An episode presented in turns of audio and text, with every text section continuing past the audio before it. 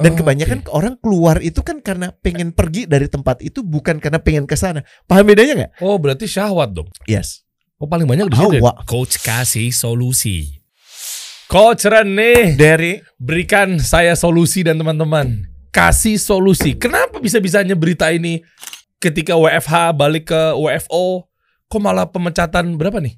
Banyak yang cabut ya? Bukan dipecat malah. bukan ya? dipecat, mereka memilih Cabut. untuk cabut. Inilah Gitu. yang dinamakan dengan work life balance. Dan salah satu alasannya adalah itu. Eh, bahwa mereka ternyata kekhawatiran mereka eh, apa sulit pekerjaan itu nggak nggak benar gitu. Bahwa ternyata pekerjaan banyak dan mereka bisa memilih pekerjaan yang lebih sesuai. Dan artinya perusahaan itu mesti lebih apa ya bahasanya ya mawas eh, dalam menyikapi kebutuhan the oh. so called work life balance yang kita akan bahas sih Oke, nyambung nice. juga yang masih sambil nunggu yang apa uh, stay or quit ya Ah, kalau iya, iya, ada iya. input soal lu gue mesti pindah atau enggak pengen denger juga karena Iya. beberapa yang udah mulai masuk jawab pertanyaannya adalah eh jawabannya adalah soal work life balance nggak dapat Iya. dia nggak dapat itu gitu kalau denger work life balance apa sih yang ada di pikiran lo Aduh, load kerja Hmm. nggak sebanding sama kehidupan keluarga. Hmm. Iya, kalau Hmm. versi gue coach ya. Ini Hmm. buat anda-anda anak-anak jaksel nih yang sekarang jadinya uh, kebiasaan WFA, ada istilah WFA lagi sekarang coach. Bukan? WFH lagi sekarang. work from anywhere Iya. yang penting work ya iya. dan, dan lo tahu Itu keparahan karena jam kerjanya udah nggak ada. Eh sorry, kan yang berhenti di jam 6 sore kan akad kita WFH. Hmm. Terus lah kan setelah jam 6 sore kan jadi WFA. Wah parah. Udah nggak harmoni sih. Tapi yang menarik ya nanti gue cariin ya belum belum nemu sih tapi ada satu uh, riset menarik survei menarik di salah satu BUMN Heeh. bahwa akibat pola kerja akibat pola leadership ada 64% uh, karyawannya dari 100% ya 64% Ih, itu dom- mental health. Udah dominasi banget. kena mental healthnya. Dan uh, dipicunya adalah pada saat pandemi terlalu lelah der. Dan waktu itu kan banyak banget perusahaan yang secara serampangan uh, bikin ketemuannya tuh uh, semau gue gitu. Iya. jadi bisa ajakan meeting kan nggak kayak dulu. Kalau dulu kan meeting harus ketemu orang. Sekarang kan uh, ajakan zoom tahu-tahu untuk meeting 10 menit dari Hmm. Oh, sekarang Oke, oke. paham kan Ini ini gue coba pakai another angle nih. Hmm. Em, terserah deh. Lu gue gue gue ngeluarin narasi ini pasti lu akan benci gue. Bodoh Hmm. amat. Lu pada lemah gak sih? Manja lo. Gini deh. Kan ini kan cuma kebiasaan doang. Karena Hmm. lu kan tadinya kan sebenarnya begitu. Hmm. Gue di media juga ketemu sama klien gue Jakarta Bekasi, Bekasi mau nggak mau ke Tangerang, Tangerang balik lagi ke Bekasi. Maksud gue ini gara-gara mungkin pembiasaannya karena lu kelamaan WFH. Bisa jadi. Sangat mungkin Tuh. dan dan sangat mungkin juga tentang konsep bekerjanya. Masih ingat yang kita bahas pekan lalu ya bahwa problem terbesar itu uh, pada saat mental health muncul, kultur yang buruk kemudian mendominasi adalah karena masing-masing individunya bekerja hanya untuk uang. Jadi dia Ah. tidak menikmati pekerjaannya itu sendiri. Oke. Ketambahan juga uh, pola kerja kemarin yang mengharuskan kita di rumah itu bikin ritme jadi terganggu kan. Jadi Eh. maksudnya sebagian besar pekerjaan itu kan emang nggak bisa dilakukan di rumah. Dan saat lo di rumah dilihat oleh anak lo, tapi kemudian lo nggak bisa berinteraksi dengan anak lo karena papa mama tetap sesuai akad harus kerja. Iya, Jadi antara ibu bapak gue ada tapi tiada gitu. Dan buat orang tuanya juga lebih depressing. iya sih. Bener nggak? Iya Dan bener lagi banyak tadi yang lo bilang akadnya jam segini abis itu gue kerja work from anywhere. Eh, itu malah bagus menurut gue ada yang kemudian udah lewat jam 7 di tengah jam lagi lagi apa lagi adzan itu udah tetap panggilan meeting. Jam 9 malam hari Ahad hari Sabtu gue mau tambah. gila men Gue mau nambahin jadi lagi. emang lelah lelahnya luar biasa dan ini tidak dipahami Eh. banyak yang banyak yang kemudian terjadi Dan gue mau nambahin lagi gini coach, kayaknya dengan adanya WFH ke WFO gitu ya, gue mau lihat ke WFH. eh ada kalanya gue positif sama WFH, Hmm. ada kalanya juga sorry, oh gue negatif sih sama WFH Hmm. untuk pribadi. Kenapa? Karena kok ini jadi gampang celah untuk berantemnya suami istri ya. Oh banget. Lu tahu kan tingkat perceraian itu meningkat drastis saat epidemi kemarin. Ah. Tuh. Itu datanya bisa dicari tuh. Gue main handphone, lu juga merasakan para suami-suami anda di sini nih eh, deg-degan kadang kalau anda nih buat para wanita, akhwat-akhwat kita para istri, Kenapa sih giliran kita kerja, kok lu tuduhnya main handphone mulu? Itu padahal bagian dari pekerjaan ya. Tuh, gue di kantor kayak begitu. Mm. Ini buat bini gue nih. Tapi lu nggak komen. kan di rumah Terus kan biasa- ada di rumah ada ruang kerja sendiri. Eh, eh. Eh, udah. Padahal gue sengaja. Eh. Kalau gue ngebales-balesin ngurusin kerjaan apa segala di situ? macam. Eh, iya, tadinya misalnya ya di kamar, di apa? Ah, dulu udah dijudge tuh. Handphonean mulu, email, email, bales gitu Mm. kan. Ah, udah deh, capek nih. Gue masuk deh ruang kerja. Kerja melulu. Ah, kan. Tapi gue di kantor lu nggak komen. Nah, kan emang ada kesepakatan harusnya ya. Kalau ini kalau bicara harusnya ya, Hmm. bahwa jam sekian sampai jam sekian gitu. Itu kan salah satu cara yang paling efektif. Ah. Cuman kan emang kalau kita lagi interaksi sama klien kan rada susah ya untuk bisa batasin kayak begitu ya. Iya. Klien kan pengennya dibalasnya kemarin gitu kan ya. Iya kan dan dan dan ini, Anda sarkas sekali. dan ini bener makanya gue ada inget satu film nih kalau Bukan hari ini ya. bukan kalau Bukan satu inget- jam lagi. bukan kemarin kalau bisa balasnya kemarin kalau lo lihat ya ada film di Apple ya Eh. namanya Severance tuh ajaib banget sih jadi cerita tentang bagaimana orang ideal pekerja ideal saat dia masuk kantor itu switchnya tuh ke kantor Oh, jadi ini. urusan semua rumah tuh hilang apa pun yang terkait dengan tadi eh, komentar istri eh, apa anak segala macam hilang dia merasa bahwa dia adalah figur yang sama sekali berbeda. Ai, profesional bahkan- sekali. Wah, dan pas dia keluar dari kantor Hah? di switch off kantor switch on rumah. Dia menjadi ayahnya yang loving gitu. Jadi kayak di kepala tuh ada switch on switch off. Nah itu work life balance. Mau dong alatnya bisa nggak saya beli? nah problemnya nggak ada. Jadi emang work life balance itu problemnya itu der. Banyak orang me- me- mempersamakan balance itu dengan sama. Jadi kalau lo udah tujuh jam di kantor ya Hah? lo tujuh jam juga dong di rumah Lah kan balance emang sama. Iya, tapi Oh, esensi iya yang deh. kita mau perjuangkan di sini adalah makanya disebutnya adalah work life harmony. Oh. Harmony itu artinya lu bisa mendapatkan ya balance juga sih. Balance tapi bukan karena membagi sama. Contoh kayak apa ya bahasanya ya? Satu ton jerami sama satu ton batu beratan mana? Hah, aku pernah dapet ini waktu SMP, aku tak salah jawab. Satu ton jerami sama satu ton batu berat mana? ya, Jangan bat. kasih tahu ya. Ya, bat. Batu lah. Eh, Sama lah satu ton. Gimana? saya keluar. Saya keluar. Iya, bener. Ya sama. Cuman Iya, bedanya aku gini. pernah dapet ini, gini, tapi gue lupa. be- bedanya Jawabnya gini. gue lupa. Ini kapas kan dulu kan? Iya, Jebakan ja- kapas. jerami kan satu tonnya gede. Hmm. Tapi yang namanya apa yang namanya batu mungkin cuman segini. Ya, Paham ya? tapi sama-sama satu ton. Sama-sama satu ton. Nah, bukan membagi waktu yang sama, tapi kebutuhannya seperti apa? Hmm. Udah diurai belum sih kebutuhan sama keluarga lu? Keluarga lu ngerti nggak sih bahwa lu akan ada uh, mendirikan podcast baru gitu misalnya? Hmm. Ya atau keluarga lu paham nggak sih lu lagi diminta oleh perusahaan untuk terlibat di dalam satu project Hmm. yang membutuhkan kehadiran lu Sabtu Ahad. Jadi itulah yang disebut sebagai harmoni. Oh jadi kalau kita keluar Sabtu Ahad, eh gue pakai bahasa family oriented ya. Boleh sebenarnya, asal kita melu- meng- menggantikan dengan Senin Selasa. Kan ini Bukan tidak gitu ya? diundang-undangkan, tapi yang penting lo mengkomunikasikan pilihan gaya hidup lo saat ini kepada orang-orang terdekat lo. Yang kerap terjadi, pilihan ini terjadi tanpa dikomunikasikan. Makanya kemudian muncul judgment. Iya. Bener nggak? Heeh. Kok lo sibuk melulu sih? Kok nggak ada waktu sih buat gue? Bener nggak? Nah, iya. Nah, Ini yang disebut makanya karir triangle. Gue tahun 2010 tuh tulis buku judulnya Your Job Is Not Your Career. Wih, Ya. mantep tuh Eh, bukunya tuh. kenapa kerja itu ada nomor satu eh, job satisfaction, compensation sama way of life. Job satisfaction tuh yang tadi kita sempat bahas. Hmm. Eh, lo pada saat bekerja itu karena menikmati pekerjaannya atau cuma buat dapet duit Eh, atau oke. cuman karena takut dikomentarin istri lo kalau lo di rumah aja. Paham ya? Kalau lo ngerjain ini karena kesukaan lo, beban-beban apa pun akan semakin berkurang. Ya kayak lo Hmm. siaran ya kayak lo jadi podcast di sini, Iya. kayak lo mungkin jadi MC karena ini bagian dari lo, lo menikmati banget prosesnya.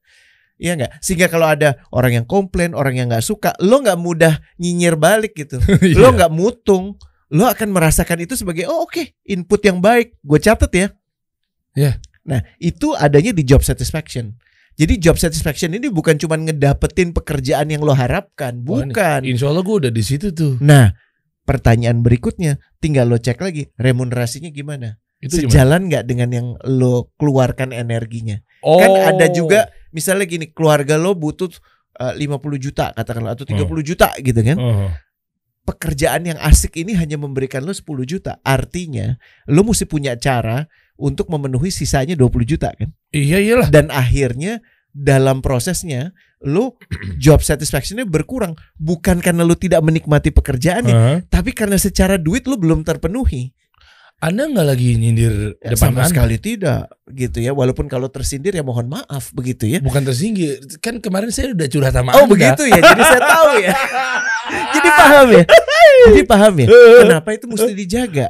Iya iya. Ya, kalau misalnya ternyata oh berlebihan ya, artinya kebutuhannya juga dikurangin dong. Hmm. Iya kan? Nah, Oh, ini ini oke. kompensasi dar. Iya. Terakhir way of life, pilihan hidup. Keluarga ini sudah punya kesepakatan belum sih? Apakah Sabtu Minggu? Nih kayak misalnya di gue gitu ya. Hmm. Anak gue tuh punya kendali atas hari Ahad. Jadi kalau gue mau bikin pekerjaan hari Ahad, gue harus ngomong sama mereka. Ih, seru banget sih. Iya, Iya. kan mereka punya semakin mereka dewasa, mereka bisa melihat, mereka Hmm. punya suara dong. Iya dong. ya kan dan mereka Eh. mengkomunikasikan itu jadi sekarang kalau gue kalau gue kemudian kan gue salah satu pekerjaan gue dapat duit kan lenongan diundang kiri kanan. Eh ada undangan hari ahad dan bulan itu belum ada pemasukan.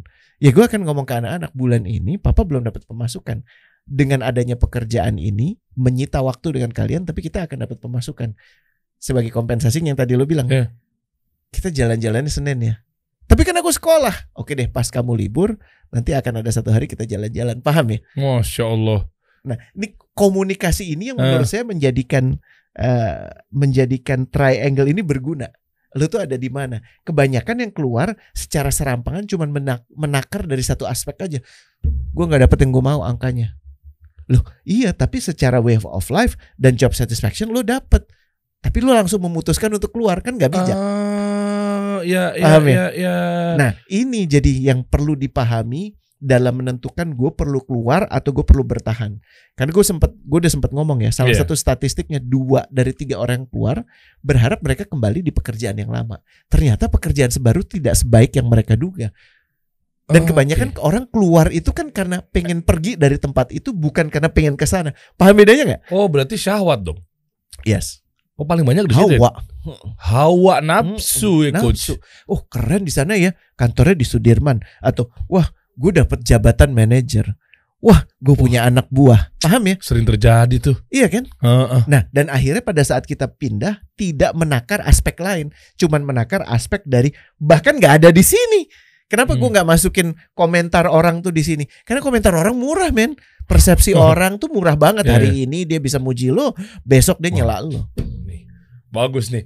Ini ini saya bisa dapetin bukunya Coach Rene yang ini nih. Ada. Di mana? Masih bisa di, ini jujur guys, di tahun 2010 bener ya? Ha-ha. Waktu Coach Rene di radio bareng sama gue waktu di media apa segala macam, ini buku nih viral banget dan sekarang masuk ke dua ya. buku kedua, buku kesatunya memuat ini. Dan ini tahun 2010 ya. Heeh. Yang tahun 2020 Mm, Oke. ini dilengkapi 2021, sorry. Oke. Jadi Mungkin teman-teman uh, cek aja di deskripsi di bawah kalau untuk Mm-mm. debu- dapetin bukunya Coach Rene yang Satu dua satu dua yang Life Crisis tuh. Life Crisis buku dua. Buku dua ya? Mm-mm. Itu pecah. Bismillah. Teman-teman coba cek deh. Itu aduh makin melek beneran deh tentang krisis hidup lo sekarang apa segala macam. Dan salah satu keputusan untuk keluar atau nggak keluar itu kan krisis sebenarnya. Iya iya iya. Iya kan? Iya, dan semua dibahas di buku itu. Cek di deskripsi di bawah teman-teman kalau pengen dapetin bukunya. Karena ini siapa cepat dia dapat mudah-mudahan nih. Bismillah. Iya, dong. Hmm. ayo dong bro dong, masya Allah nih. Oke, Nah. yuk. Kalau yang sekarang der, Hmm. gue tambahin lingkaran itu tadi, eh, apa segitiga itu tadi dengan lingkaran. Lingkarannya itu namanya sabar, syukur, sadar. Wah keren. Nah, kenapa dibuat seperti itu? Ah, ah. Karena kalau dulu konteksnya eh, kayak ngisi bensin, bensinnya kosong ya udah isi, gue dapet duit seneng. Terus lama-lama kan biasanya lo kalau lo naik gaji itu kan happy-nya sekitar tiga bulan maksimal. Bener gak sih? Alhamdulillah, syukurillah. sih? Gue udah naik gaji. Itu bulan pertama tuh. Pada dapat pengumuman. Terus udah lewat bulan pertama, bulan kedua. Ya alhamdulillah naik gaji. Eh, Kebutuhan beberapa udah terpenuhi. Ya, bersyukur. ada sihnya biasanya tuh ya. Alhamdulillah sih. Mm. Bulan ketiga ngomongnya udah gimana Der? Gimana? Kenapa ya gajinya naiknya kok cuma 15%? Gila, manusia nggak ada syukur-syukur. Bukan- Manusia nggak ada syukur-syukurnya Masih dia. ingat nggak pada saat manusia diberikan satu gunung emas dia akan berpikir gunung emas berikutnya betul Iya, iya, iya. Iya kan? Dan dan ini nyata apalagi sekarang di mana kita sibuk banget membandingkan diri kita dengan yang lain. Dan itu boleh gak sih? Ah, untuk untuk sisi kan di agama kita juga mengajarkan bahwa ah, ya dalilnya juga jelas gitu kan misalnya ada Untuk perkara iri yang dibolehkan. Ah, iri itu. iri itu boleh ya Dar Iya. untuk perkara yang dibolehkan tapi dengki sama sekali nggak boleh paham bedanya nggak Hmm, iri dengki tuh menarik ya bedanya lebih kerucut gimana? gini iri itu menginginkan yang dimiliki orang lain Oke. atas untuk kebaikan misalnya dari soleh banget gue ingin menjadi sesoleh Derry Hmm, boleh dong iya, itu iya. iri dengki itu menginginkan yang dimiliki orang lain dan dia kehilangan Oh. apa yang didapatkan Hasad gitu ya. Ya, Oh, jadi dengki iya. itu hasad Bener-bener gue pengen di situ dan dan ya dia keluar Oh itu sih parah. nah itu jahat Hmm. gitu dan kalau sampai ada pemikiran kita seperti itu semoga diselamatkan oleh Allah makanya Hmm. lingkaran pertamanya namanya sabar Oh, oke. jadi chapternya itu chapter sabar Hmm, oke. saat lu belum terpenuhi salah satunya sabar belum terpenuhi salah duanya sabar belum terpenuhi tiga-tiganya sabar kenapa karena bisa jadi lu lagi diselamatkan dari hal yang lebih buruk kalau lu punya persepsi seperti itu menakar ini akan berbeda nggak Wah. cuman hitung-hitungan dunia Bener. paham ya Ini cocok nih pembahasan kita nih. Ini buat muslim juga cocok banget. Bagus materinya Rene yang ini. Kenapa? Karena eh, Islam mengajarkan ke kita tuh eh, menepis stigma buatan mm, di luar Islam yang mengatakan ada pepatah kesabaran ada batasnya. Islam mengajarin kesabaran gak ada batasnya, guys. karena yang terbaik dalam hidup kita sedang terjadi saat ini Tuh. titik di mana lo saat ini terjadi terbaik pada saat lo mensyukurinya nah itu makanya lingkaran kedua syukur Oh. Kenapa? Bukankah takdir yang Allah berikan itu adalah yang terbaik untuk lo? Oh iya. Makanya kadang-kadang buruknya kita menilai keadaan kita sekarang tanpa kita sadari adalah buruknya kita menilai apa yang diberikan oleh Allah. Benar nggak? Oke. Nah Waduh. kalau udah kayak begitu, Wah ngeri. kufur nikmat, Eh. bahaya banget. Kenapa kemudian sabar nggak boleh berdiri sendiri, harus diperkuat dengan ring berikutnya namanya syukur. Lo Oh, masih ingat oke. ya syukur ya? Oke. Bahasa syukur syakaroh kata Hmm. dasarnya syakaroh artinya apa? Menggambarkan keadaan saat lagi sangat sulit ya. Kemudian rumput yang ada tuh rumputnya misalnya untuk binatang ternak tuh warnanya coklat yang udah sisa-sisa gitu. Hmm. Dan cuman sedikit dikasih ke kambing, eh kambingnya memberikan susu banyak. Itu syukur. Ush. Jadi artinya apa? Diberi sedikit memberi banyak. Oh. Lo tuh percaya banget.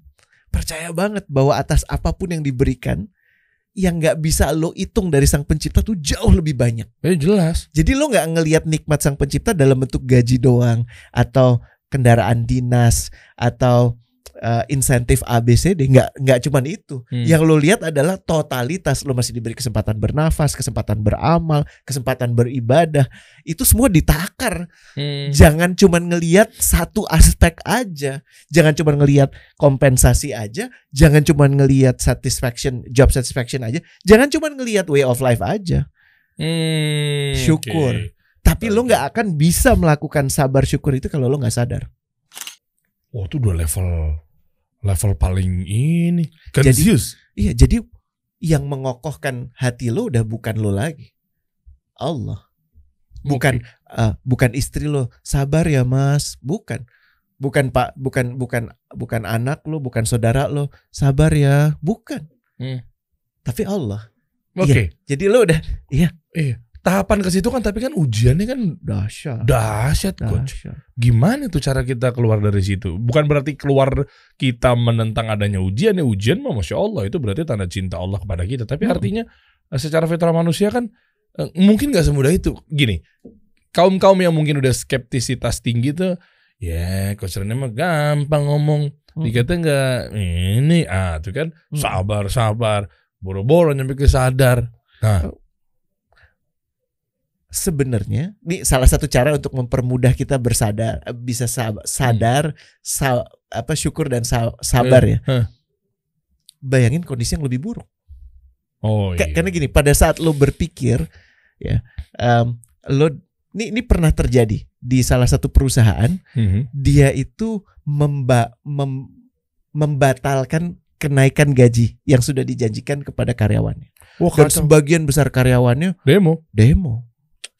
Tapi tahu nggak si pemilik perusahaannya ini ulas sekali diajakin ketemu, Hah? bukan dilawan, diajakin ketemu. Terus dibuka laporan keuangannya bahwa kalau saya memberikan kenaikan gaji, artinya perusahaan ini berpeluang tutup.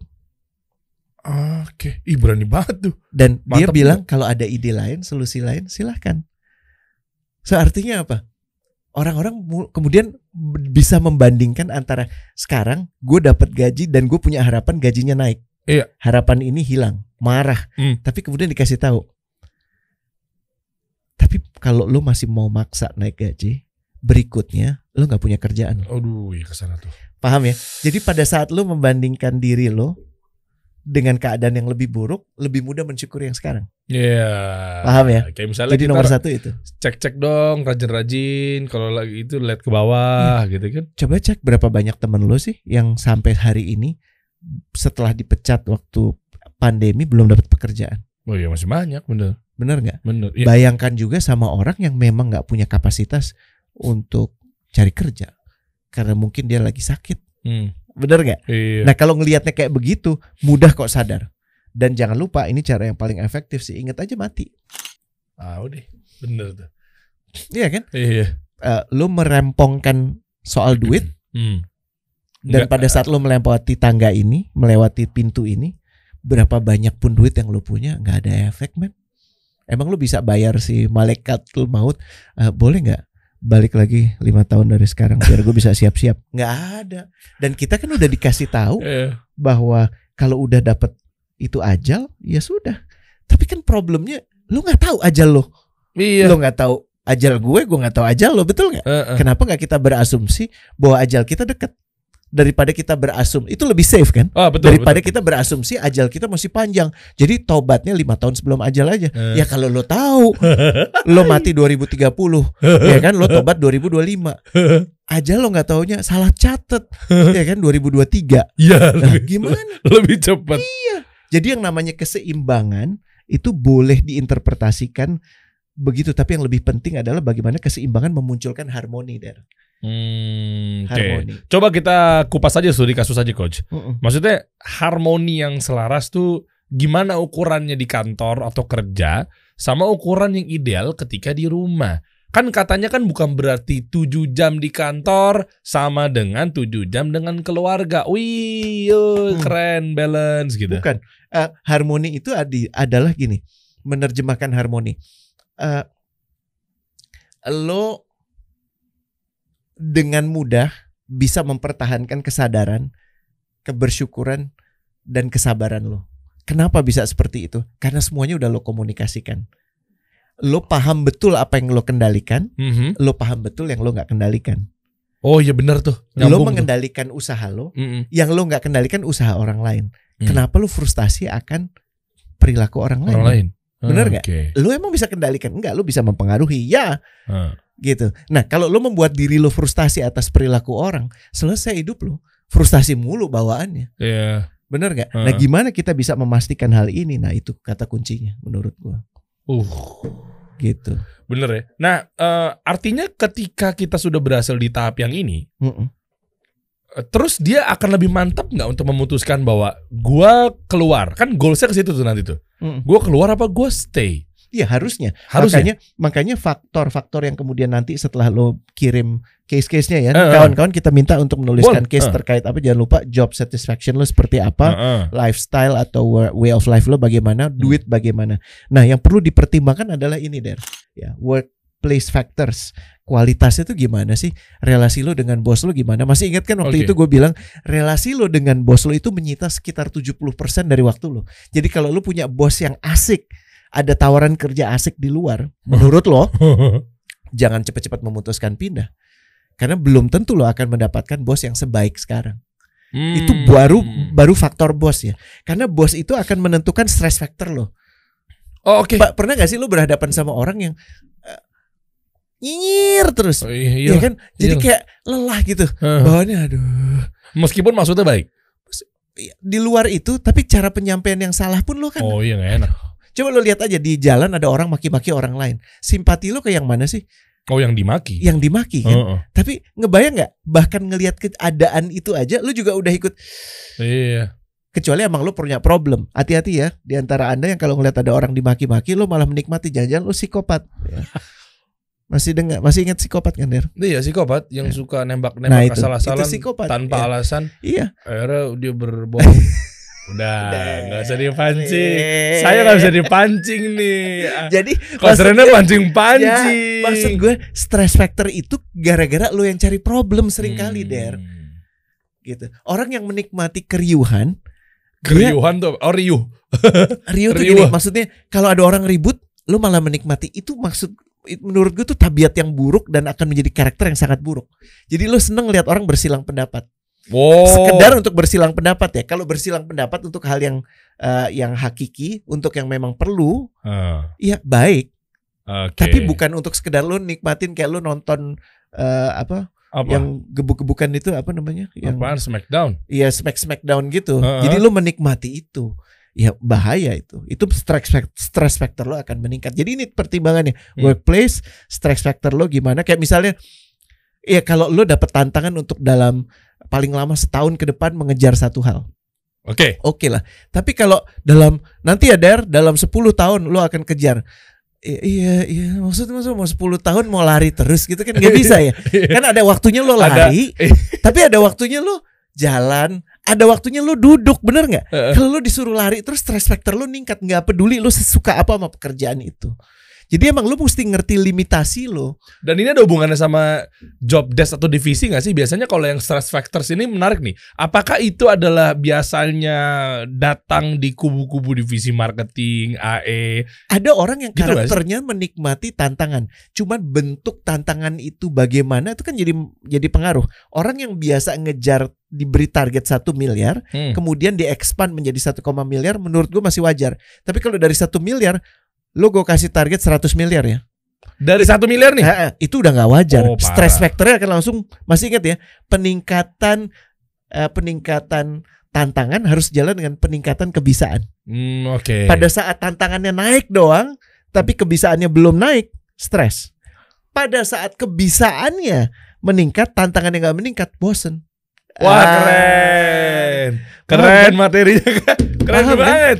Ya Gitu. ya ya ya ya. Berarti bisa itu di- diukurnya tuh dari memang bosnya harus pintar dalam dalam matematika itu berarti ya. Iya, dan Iya. mesti tahu kapasitas anak-anak buahnya. Karena kalau lo salah melihat kapasitas itu, pecah. Tim lo Iya. akan berantakan. organisasi hancur amburadul. Betul. Iya, Dan lo nggak bisa eh, apa meningkatkan kapasitas itu sekali waktu.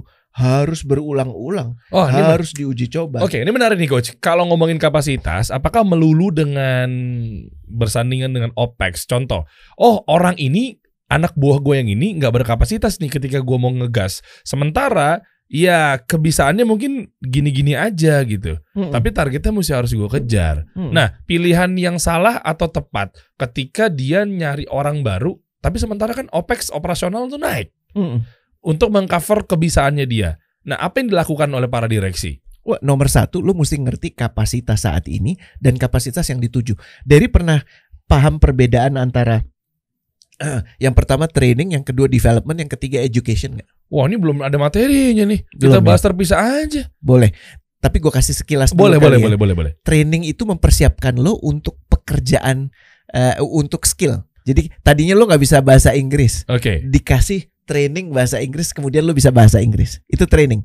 Jadi Oke. skill, kebutuhan skills. Oke. Paham ya? Oke, oke. Darinya nggak bisa ngedit, jadi bisa ngedit. Oke. Ya, dapat. Development itu training ya. Hmm. Development itu mempersiapkan lo untuk eh, pekerjaan future work, pekerjaan berikutnya. Dari yang udah bisa ngedit, Kemudian lo bisa oh yang harus diedit ini supaya kemudian jadi video yang bisa dinikmati lebih banyak orang. oh, oke. Ini ini adalah development. Development, oke. Yang namanya education itu lebih jauh lagi. Bukan cuman future work tapi future role. Peran dia lebih dari yang dia lakukan sekarang. Dan ini kalau yang sebelumnya adalah rencana perusahaan, kalau yang ini rencana perusahaan bergantung dengan aspirasi lo. Wow. Makanya pas banget nih lo nanya. Lihat nih, Oh. growth. Huh, huh. Kaitannya ke growth. Oh ke situ.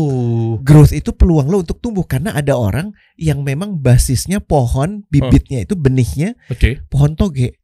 Iya. atau kangkung. Ah. Jadi tumbuhnya segitu. Oke. Tapi ada yang beringin. Beringin tuh kalau lo perhatiin dua tahun kagak naik-naik gitu-gitu aja. Iya. Ya kan sementara toge udah oh, udah banyak banget gitu ya. Eh. Cuman beringin 25 tahun dia masih tambah gede. Toge tiga bulan udah nggak tumbuh lagi. Iya. Paham ya? Hmm. Nah ini dengan segala hormat nggak bermaksud mengatakan lo toge atau beringin, tapi sebaiknya lo memastikan diri lo itu bukan benih toge ya. Nangka boleh, beringin boleh, Eh. tapi jangan toge. Toge ya beli aja sayurannya. Makanya dalam kita memilih pindah, teman-teman jangan lupa ada faktor growth. Perusahaan lo yang sekarang membawa peluang untuk bertumbuh nggak?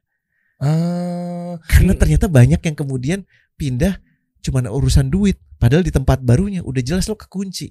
Nggak mikir kan? Oh gitu. Tiga faktor ini. Tapi kita Iya, bahas iya, satu-satu iya, iya. case-nya nanti Boleh. setelah ini. Boleh. Kirim ke kami, Eh, eh. ya kan? Jangan lupa kasih tahu job satisfaction lo apa. Oke. Apakah lo mengerjakan pekerjaan yang lo menikmati Eh, eh. atau enggak? Itu satu ya. Oke. Terus nomor dua, eh, lo bisa ceritakan juga dengan eh, apa kompensasi lo gimana. Oke. Tiga way of life. Ya. Oke. Tambahan lo bisa bercerita tentang hubung kualitas hubungan lo dengan bos dan peluang bertumbuh di perusahaan sekarang. Wih keren. Gitu. Semuanya Ada lima kita jawab jadi ya. Ada lima ya. Mm-mm. Kita akan perhatiin habis-habisan teman-teman dari komen-komen yang masuk. Kita bahasin next week. Bismillah. Coach kasih solusi.